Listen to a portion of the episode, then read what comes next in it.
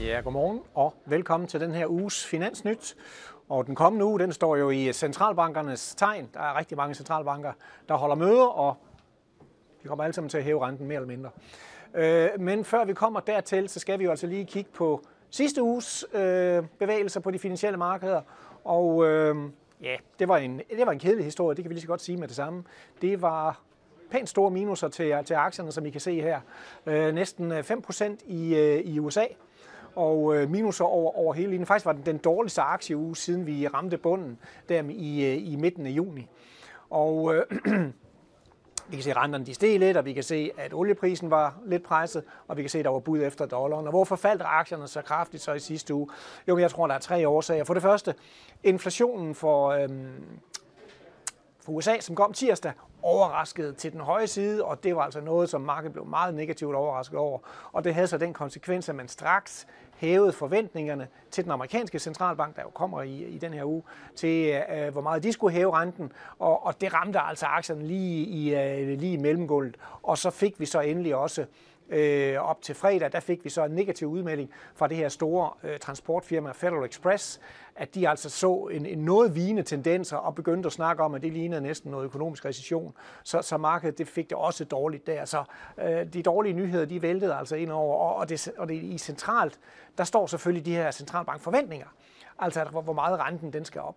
Og det er jo netop her i den her uge, hvor den amerikanske centralbank også holder sit møde onsdag. Og øh, det store spørgsmål der, det blev jamen, øh, ikke om de hæver, for det gør de, men hæver de med 75 basispoint, eller hæver de med et helt procentpoint øh, i lyset af de her inflationstal. Vi forventer dog kun, der kommer 75 øh, basispoint, for at centralbanken ikke sådan vil begynde at, at, signalere panik. Det passer meget godt ind i, at vi i sidste uge også kom ud med en ny øh, analyse, hvor vi egentlig hæver forventningerne både til Fed, men også til ECB, når vi nu kigger fremad, så vi faktisk har, at øh, Feds rente skal toppe der i 4,25 til 4,5 procent øh, i 2023, og også ECB, som også har været tvunget til at reagere på den her høje inflation, der regner vi nu med, når vi kommer ind i 2023, at der kommer renten til at toppe i 2,5 procent. Så det er jo væsentligt højere renteforventninger, som vi har her. Og i den forbindelse, når vi nu har alle de her øh, centralbankmøder og renten er på vej op, så er det selvfølgelig interessant at kigge lidt på, jamen, hvad, siger, hvad, hvad, hvad siger aktierne egentlig til sådan en, en centralbankpolitik. Så der har jeg lige et par, et par grafer med, som jeg gerne vil vise jer. For det første den her, som jo siger lidt om, jamen øh, historisk, så plejer det altså at være sådan, før vi ser bunden, på aktiemarkedet, jamen så er Fed allerede begyndt at sætte renten ned. Og det er jo typisk fordi, at vi der er løbet ind i en eller anden form for økonomisk recession, en eller anden form for økonomisk krise, der tvinger Fed til at reagere, og øh, de begynder så at sætte renten ned, og det er så der, hvor markedet finder sin endelige markedsbund. Øh, og det øh, kan vi jo så se, vi har her historisk gået tilbage til en række recessioner, det er alt omkring recessioner, og set på, og når Fed øh, begynder at sænke renten. Det sker altid før vi egentlig når markedsbunden. Det er i hvert fald den historiske erfaring.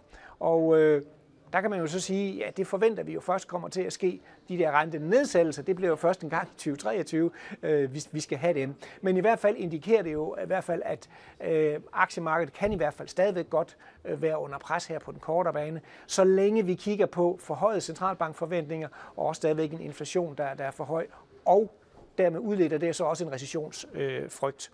Og på den, den næste slide, som jeg har her, der kan vi også se, at det betyder faktisk noget. Hvor kommer renten til at ende henne? Fordi den her graf, den viser egentlig sammenhængen mellem, hvad skal vi kalde det, Feds slutrente og hvordan prisfastsættelsen så er. Og der kan man så se ud af det her, slutrenten, det er den, vi har nede på x-aksen, og prisfastsættelsen har vi op på y-aksen, at jo højere slutrente vi har i de forskellige øh, rentehævningsperioder, øh, jamen jo lavere skal prisfastsættelsen være. Så det er derfor, der er jo rigtig meget fokus på, jamen, hvor kommer fedrenten til at, at lande henne. Og der får vi jo de her dotplots på onsdag efter Fed-mødet, hvor folk ligesom kan gå ind og sige, nå, de har altså hævet måske der, hvor slutrenten skal hen. Så det kan altså også have en effekt på øh, aktiemarkedet. Så det er meget vigtigt at holde øje med det. Ellers, udover centralbanker, jamen, så skal vi også kigge på PMI'er. Vi får jo det første kig på september i de her flash-PMI'er, der kommer på, øh, på fredag. Vi fokuserer jo især på de europæiske flash-PMI'er. De kommer i princippet for hele verden.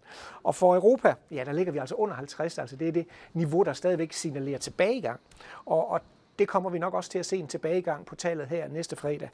Og det er selvfølgelig det er energikrisen, det er tilbagegangen i øh, reallønning, højere renter, geopolitisk usikkerhed. Det presser alt sammen de europæiske øh, PMI'er. Lidt positivt vil der nok også være, nemlig at priskomponenten nok kommer til at falde, men altså fra et højt niveau. Øh, og det er måske en tidlig indikation på inflationen, som jo altså desværre ikke har toppet i Europa endnu, og, og der går også et stykke tid, før den kommer til det. Og så leveringstiderne. Vi ved jo, der har været problemer med forsyningskæderne. Vi har set, hvordan leveringstiderne i de her øh, PMI-undersøgelser faktisk er faldet. Og det er jo positivt, for det viser, at de her problemer med forsyningskæderne, de begynder altså at løsne, løsne op, og det er selvfølgelig, øh, det er selvfølgelig øh, positivt. Udover PMI'erne, jamen, så vil jeg jo så sige, så er der masser af andre centralbanker, der kommer, der kommer på banen i princippet. Vi kan fx nævne Bank of England, som jo kommer på torsdag. Øh, der forventer vi, at de hæver med 50 basispoint, men igen er der risiko for, at det kan blive 75. Øh, så så øh, upside er helt klart, øh, der er der mest upside risiko, kan vi sige. Norge, Sverige, Schweiz, centralbanker, der kommer også der med øh, renteforhøjelser. De eneste, der måske ikke er for højere den her, det bliver måske Bank of Japan, som stadigvæk kører en, en forsigtig pengepolitik. Og endelig kan man sige, som rosin i pølseenden, så næste søndag, der har vi jo det italienske parlamentsvalg. Markedet har ikke taget så meget bestik af det, men, men selvfølgelig, øh, hvis vi får en, en, en kan man sige, en jordskredssejr til, til de her Brothers of Italy, jamen så kan det måske godt være noget af det, der kan, kan gøre markedet lidt nervøs, så det er i hvert fald også vigtigt at holde øje med. Så, men altså en stor centralbankuge øh, går vi i møde, og tak for din opmærksomhed, og tak fordi du kiggede med.